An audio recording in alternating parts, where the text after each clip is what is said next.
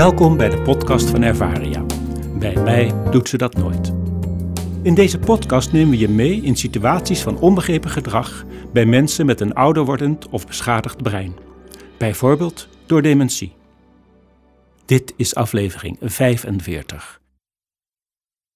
Nadat het even stil is geweest, begint het roepen van mevrouw de Loor weer. Moeder, laat me niet alleen! Moeder, laat me niet alleen! klinkt het. Dan een korte stilte, waarna het roepen opnieuw begint.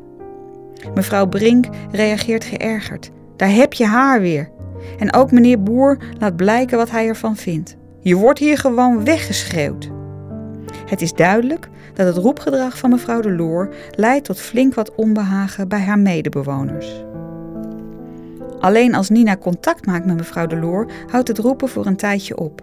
Maar Nina beseft dat dit geen houdbare situatie is. Met haar collega's van de Waterlelie bespreekt Nina het probleem. Rob en Isa herkennen dit soort dagen wel.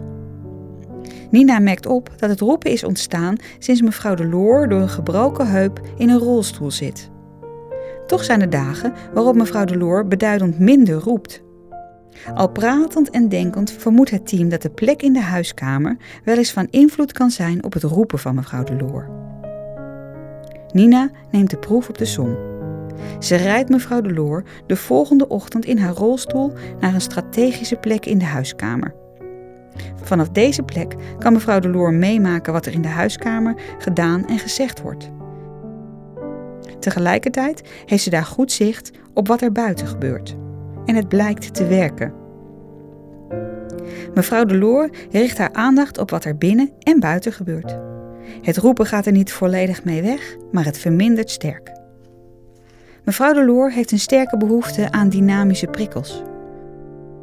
Toen ze nog mobiel was, ging ze aan de wandel om de door haar zo gewenste stimulans te zoeken. Maar sinds ze in een rolstoel zit, is ze afhankelijk van anderen om de juiste prikkels te krijgen. Krijgt ze deze niet op de plek waar ze zit, dan kan ze niets anders doen dan de prikkels zelf te maken. Mevrouw de Loor doet dit door te roepen, maar tikken of veel bewegen komen ook voor. Door het vinden van de juiste prikkels slaagde het team erin de drang van mevrouw de Loor om zelf prikkels te maken te laten afnemen. Winst voor mevrouw de Loor en winst voor haar directe omgeving. Bied bij een roepende bewoner passende dynamische prikkels aan. Houd oog voor veranderende situaties in bijvoorbeeld mobiliteit. De behoefte aan prikkels verandert niet mee met deze veranderingen. Meer informatie is te vinden in ons boek Bij mij doet ze dat nooit.